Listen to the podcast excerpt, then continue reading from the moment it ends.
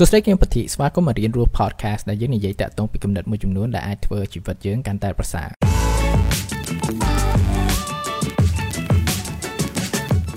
ជាធម្មតាពេលដែលយើងគិតតាក់ទងពីការសិក្សាពីជំនាញអីមួយអ្វីដែលយើងគិតដំបូងបំផុតគឺជាការសិក្សានៅសាលារៀនប៉ុន្តែអ្វីដែលយើងគួរយល់ដឹងដែរបើយើងមើលតាក់ទងពីប្រវត្តិសាស្ត្រនៃការអប់រំភាគច្រើនមែនតើបើយើងមើលទៅតាក់ទងពីការអប់រំសពថ្ងៃដូចជា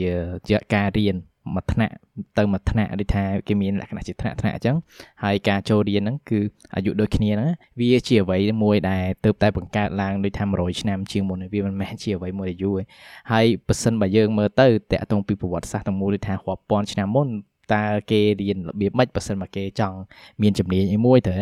ព្រោះថាតាក់ទងពីការមានជំនាញនិងការធ្វើការមិនមែនតែសម្រាប់មនុស្សយើងនៅក្នុងសម័យហ្នឹងឯងសម័យមុនក៏គេត្រូវការធ្វើការនិងត្រូវការមានជំនាញដែរបើសិនបើពួកគាត់ចង់មានលក្ខណៈជាអាជីពឬក៏ប្រាក់កម្រៃក្នុងការផ្គត់ផ្គង់ក្នុងការរស់នៅសប្តាហ៍ថ្ងៃហ្នឹងការរៀនបែបលក្ខណៈពីដើមហ្នឹងគឺជាការរៀនមួយដែលគេហៅថា apprenticeship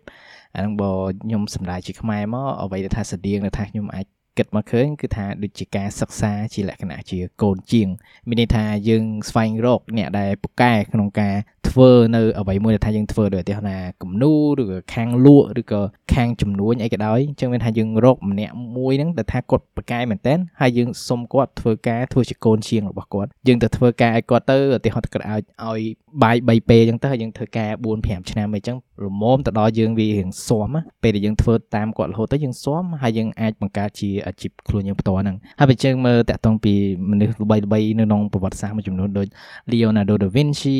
Benjamin Franklin អីហ្នឹងគឺថាពួកគាត់ធ្លាប់ធ្វើជា apprentice ឬក៏កូនជាងហ្នឹងរបស់ អ្នកដែលបកកែមុនមួយហ្នឹងហើយដូចជា Nikola Tesla ដែលឡាន Tesla ហ្នឹងដាក់ឈ្មោះទៅតាមហ្នឹងគឺថាគាត់ក៏ធ្លាប់ក្នុងមួយរយៈក្នុងជីវិតរបស់គាត់ធ្លាប់ធ្វើការឲ្យ Thomas Edison ដែរអ្នកដែលបង្កើតអំពូលភ្លើងហ្នឹងការរៀនហើយជាមួយនឹងការវិវត្តខ្លួនបែបហ្នឹងគឺថាវាតម្រូវឲ្យត្រូវការការអនុវត្តច្រើនហើយជាពិសេសគឺអនុវត្តជាមួយនឹងអ្នកដែលបកកែនៅអ្វីដែរពួកគាត់ធ្វើនឹងជា craft មួយជាជំនាញអីមួយដែលពួកគាត់ប្រកែមែនមិនមែនត្រឹមតែអង្គុយក្នុងថ្នាក់ហើយយើងមើលសភៅយើងអានហើយយើងចេះទេហើយនេះជាបែបរៀនមួយដែលថាធ្លាប់មានហើយជាធម្មតាបើយើងមើលទៅតាក់ទងពីសម័យសប្តាហ៍នេះអ្វីដែលថាយើងអាចមើលបានវាអាចដូចជា internship មួយចំនួនប៉ុន្តែ internship ពេលខ្លះក៏វាអត់មានតម្លៃស្មើគ្នាដែរកន្លែងខ្លះបទពិសោធន៍នៃការធ្វើ internship ឬក៏អ្វីដែលយើងអាចរៀននិងយល់ដឹងហ្នឹងវាអាចច្រើនជាង internship ផ្សេងៗហ្នឹងទៅអញ្ចឹងសំខាន់យើងជ្រើសរើសដែរថាតើ internship នៅកន្លែងណាបើថាខ្ញុំអាចរៀននិងយល់ដឹងពី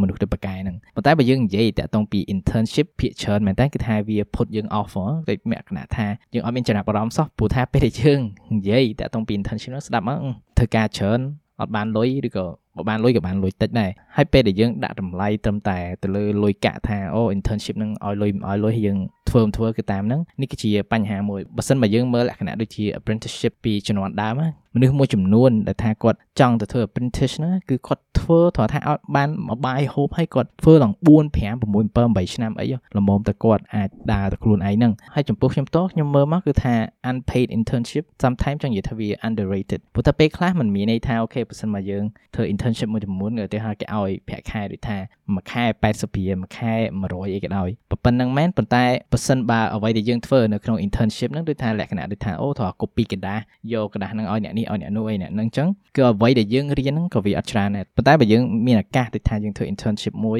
ដែលថាមានតម្លៃនៃការសិក្សាយល់ដឹងច្រើនណាដូចឧទាហរណ៍ថាធ្វើ internship ឬក៏កូនជាងឲ្យដូចថាអ្នកវិនិយោគម្នាក់ដែលថាគាត់ប្រកែអញ្ចឹងប៉ុន្តែយើងអត់បានលុយមែនប៉ុន្តែចំណេះដឹងដែលយើងបានហ្នឹង វានឹងចង់និយាយថាវានឹងគុណវានឹងជាអ្វីមួយដែលថា បង្កើតនៅប្រាក់កម្រៃជាច្រើនថាយើងអាចមានពីការសិក្សាហ្នឹងអញ្ចឹងមានថាតម្លៃនៃ internship នៅអ្វីដែលយើងរៀនហ្នឹងมันប្រកាសថាតើលុយទេប៉ុន្តែចំណេះដឹងតើតម្លៃវាប៉ុណ្ណាបើសិនបើយើងអាច afford បានអ្វីដែលថាយើងគួរតែមើលតាក់ទងពីការងារហ្នឹងគឺឲ្យតម្លៃទៅលើអ្វីដែលថាយើងអាចរៀននិងយល់ដឹងនិងអភិវឌ្ឍពីការងាររបស់យើងហ្នឹងនិយាយទៅគឺថាការសិក្សាបែបហ្នឹងគឺវា underrated មែនតើពេលខ្លះយើងគិតថាអូមកយើងធ្វើការឲ្យគេអញ្ចឹងយើង ចង់និយាយថា deserve to get paid ប៉ុន្តែតម្លៃនៃការសិក្សាមួយចំនួនគឺពីការអនុវត្តហ្នឹងហើយជាពិសេសពេលដែលយើងអត់មានបទពិសោធន៍សោះការដែលយើងធ្វើការគេមួយចំនួនណាមិនមែនស្រួលណាព្រោះថាបើសិនបើយើងធ្វើការត្រូវ photocopy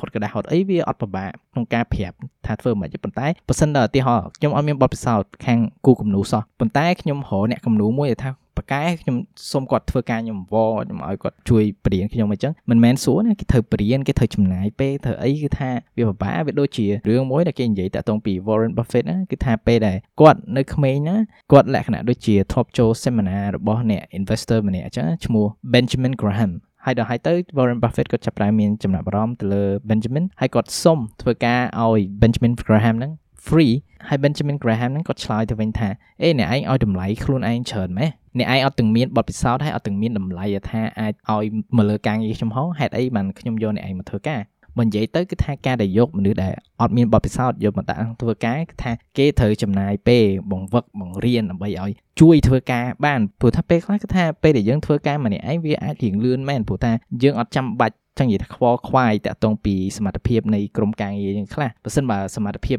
នៅអ្នកធ្វើការជាមួយយើងហ្នឹងគឺថាគាត់ប្រកែដូចថាកូនក្រុមរបស់យើងប្រកែអញ្ចឹងគឺថាវារលូនប៉ុន្តែបើអត់មានន័យថាយើងត្រូវចំណាយពេលជាមេដឹកនាំម្នាក់ក្នុងការបង្រៀននិងបង្វឹកធ្វើម៉េចឲ្យធ្វើការហ្នឹងឲ្យល្អត្រូវហើយចំពោះពួកគាត់មួយចំនួនគឺថាគាត់ចង់ធ្វើតែខ្លួនឯងហើយការដែលយកមនុស្សអត់បត់ពិសោធន៍ហ្នឹងគឺត្រូវបង្វឹកហ្នឹងគឺថាវាមិនមែនជា ភាពងាយស្រួលឯងហើយដូចជាក្រុមហ៊ុនមួយចំនួនដែលថាយក intern ឬក៏គ្រាន់តែ recruit ចឹងនិយាយថា entry level employee មួយចំនួនមកធ្វើការអ្វីមួយដែល specific ឬក៏ specialize ហ្នឹងគឺមិនមែនជាអ្វីមួយដែលងាយស្រួលផងដែរព្រោះថាពេលដែល recruit ចូលហ្នឹងអូខេត្រូវធ្វើ induction ត្រូវបរៀនប្រហែលខែហ្មងតើឲ្យគាត់ចាប់ផ្ដើមមានសមត្ថភាពក្នុងការធ្វើការឲ្យរៀងថេអញ្ចឹងអញ្ចឹងបើយើងមើលទៅគឺថាតម្លៃពីការងារឬក៏ internship អីមួយគឺមិនមែនទៅតាមតែប្រាក់ខែប៉ុន្តែយើងអាចមើលដែរតើយើងបានទទួលអីខ្លះព្រោះថាបើសិនបើយើងអាចស៊ូទ្រាំយើងធ្វើការលក្ខណៈកូនជាងណាយើងកុំខ្វល់តាក់ទងពីឋានៈយើងកុំខ្វល់ច្រើនពេកតាក់ទងពីប្រាក់ខែអញ្ចឹងបើសិនជាពិសេសគឺថាបើសិនបើយើងមានសមត្ថភាពដែលយើងអត់ចាំបាច់ខ្លាំងក្នុងការរកប្រាក់កម្រៃអីចឹងនេះគឺជាអ្វីមួយដែលថាយើងអាចគួរតែគិតមើលផងដែរព្រោះថាការដែលយើង មានបទពិសោធន៍នឹងហើយ ការដែលយើងមានចំណេះដឹងនឹងការយល់ដឹងឬក៏ជំនាញនឹងហើយមានន័យថាពេលដែលយើងបញ្ចប់ internship ហ្នឹងឬក៏ពេលដែលយើងចប់ការងារហ្នឹងមានន័យថាយើងអាចមានឱកាសជាច្រើនក្នុងការបង្កើនប្រាក់ខែឬក៏ធ្វើនៅអ្វីផ្សេងផ្សេងទៀតដែល កាន់តែប្រសើរហ្នឹងឬក៏មានឱកាសការងារផ្សេងផ្សេងដែលយើងអាចធ្វើអ្វីកាន់តែធំធំជាងនឹងទៀតទៅហើយទាំងអស់ហ្នឹងវាត្រូវការឲ្យយើងមានភាពអត់ធ្មត់ជាច្រើនមែនតើក្នុងការធ្វើការហើយនឹងផ្ដោតហើយជាពិសេសគឺថាកុំខ្វល់ខ្វាយតាក់ទងពីឋានៈហើយនឹងមុខមាត់អីច្រើនពេកប៉ុន្តែផ្ដោតនឹងការសិក្សានិងយល់ដឹងទាំងអស់ហ្នឹងហ្នឹងព្រោះថាបន្ទាប់ពីហ្នឹងចាំយើងគិតទៀតព្រោះថាយើងត្រូវយកដែរពេលដែលយើងទៅរៀនចប់គឺថាយើងនៅក្មេងដែរទៅអាយុ22 23 24មិនមែនថាធ្វើតការតែមួយឆ្នាំអូខេយើងខ្លាយជា មេគេឬក៏អ្នកជំនាញពិសេសខាងនឹង10%លើគេនៅស្រុកខ្មែរខ្ញុំមិនមែនថាអាចបានប៉ុន្តែវាមិនមែនជា practical advice ព្រោះថាសម្រាប់ពួកយើងច្រើនគឺថាវាត្រូវការចំណាយពេលច្រើនក្នុងការយើងវិវត្ត skill អីមួយអានេះគឺជាឧទាហរណ៍ទៅតាមបទពិសោធន៍លក្ខណៈកូនជាង របស់ខ្ញុំផ្ទាល់គឺថាពេលដែលខ្ញុំចូលសកលភ្លាមគឺថាពេលដែលចុងឆ្នាំទី1ហ្នឹងខ្ញុំបានចូល volunteer ហើយខ្ញុំ volunteer នៅក្នុង organization មួយដែលថាគាត់ឲ្យសេរីភាពខ្ញុំជាច្រើនមែនតើខ្ញុំចង់ធ្វើការរបៀបម៉េចក៏បានអញ្ចឹងហើយវាជាឱកាសមួយក្នុងការឲ្យខ្ញុំចង់និយាយថាតេស្តឬក៏អនុវត្តនៅគំនិតអីថ្មីថ្មីជាច្រើនអញ្ចឹងទៅហើយពេលដែលខ្ញុំធ្វើការជា volunteer នៅក្នុង organization ហ្នឹងគឺខ្ញុំអត់មានបានប្រាក់ កម្រៃសោះហើយមិនត្រឹមតែអត់ប៉ុណ្ណឹងពេលខ្លះគឺថាខ្ញុំត្រូវចំណាយដោយខ្លួនឯងទៀតដូចឧទាហរណ៍ត្រូវទៅប្រជុំទៅអីខ្ញុំត្រូវចំណាយអឺឧទាហរណ៍ថាទៅហាងកាហ្វេត្រូវជិះម៉ូតូជិះអីឬក៏ត្រូវទិញកាហ្វេផឹកនៅហាងកាហ្វេអញ្ចឹងព្រោះថាគេអត់មានទីកន្លែងច្បាស់លាស់ដែលថាអាចជួបជុំអីចឹងអញ្ចឹងអូខេទៅជួបនៅហាងកាហ្វេខ្ញុំត្រូវចំណាយខ្លួនឯងពេលខ្លះមាន conference អញ្ចឹងទៅហើយដោយសារ organization ហ្នឹងគាត់អត់មានលក្ខណៈដូចថា budget ច្រើនដែរអញ្ចឹងណាអញ្ចឹងក៏យើងត្រូវចំណាយខ្លួនឯងដែរជាងទៅ conference ហ្នឹង get training អញ្ចឹងទៅហើយបើមើលទៅតាមលុយកាក់នេះគឺថា worse ជាង unpaid internship ទៀតព្រោះថាដោយសារអីខ្ញុំត្រូវ pay ហងដើម្បីធ្វើការនៅ organization ហ្នឹងប៉ុន្តែវា provide freedom ខ្ញុំច្រើនមែនតើក្នុងការធ្វើឲ្យមានបទពិសោធន៍ជាច្រើនហើយខ្ញុំអាចជួបនៅ stakeholder ជាច្រើនដែលប្រកែប្រកែទៀតដូចឧទាហរណ៍ថាខ្ញុំទៅ conference អីចឹងណាហើយមាន opportunity ដូចឧទាហរណ៍ថាជួប big people ដូចឧទាហរណ៍ថា Jay Shetty ខ្ញុំជួបនៅ conference មួយនៅ Poland ហើយក៏ជួប New York best selling author ម្នាក់ឈ្មោះ Vision Lakia នេះនៅ conference នៅប្រទេសឥណ្ឌាហើយសប្តាហ៍ថ្ងៃហ្នឹងគឺថាខ្ញុំធ្វើការនៅក្រុមហ៊ុនគាត់ដែរវាជា connection មួយដែលថាខ្ញុំ build តាមហ្នឹងព្រោះថាវាជាអ្វីមួយដែល align ដែរនៅជំនាញដែលថាខ្ញុំចង់មានហ្នឹងព្រោះថា ក្រុមហ៊ុនដែលខ្ញុំទៅធ្វើឲ្យគាត់ហ្នឹងឈ្មោះ Mind Valley ហ្នឹងវាជាក្រុមហ៊ុនមួយដែល focus ទៅលើលក្ខណៈថា personal growth ហើយជាមួយនឹងចំណេះដឹងជីវិតអីចឹងទៅហើយវាជាអ្វីមួយដែលថាខ្ញុំស្រឡាញ់ខ្ញុំចូលចិត្តហើយវាជាជំនាញដែលថាខ្ញុំចង់មានអញ្ចឹងសប្តាហ៍ថ្ងៃនេះដែលថាខ្ញុំធ្វើការនៅក្រុមហ៊ុនហ្នឹងអញ្ចឹងណាវាជាចំណុចមួយដែលល្អមែនតើអានេះបើយើង compare តាក់ទងពី level អញ្ចឹងដូចថា level 1គឺថាយើងត្រូវ pay ដើម្បីធ្វើការហើយនឹងបានបទពិសោធន៍ហ្នឹងបន្ទាប់មកអូខេ unpaid internship អីចឹងមកហើយអូខេយើងបានប្រាក់កម្រៃខ្លះហើយនេះវាចូលលក្ខណៈដូចថាជា sweet spot នៃ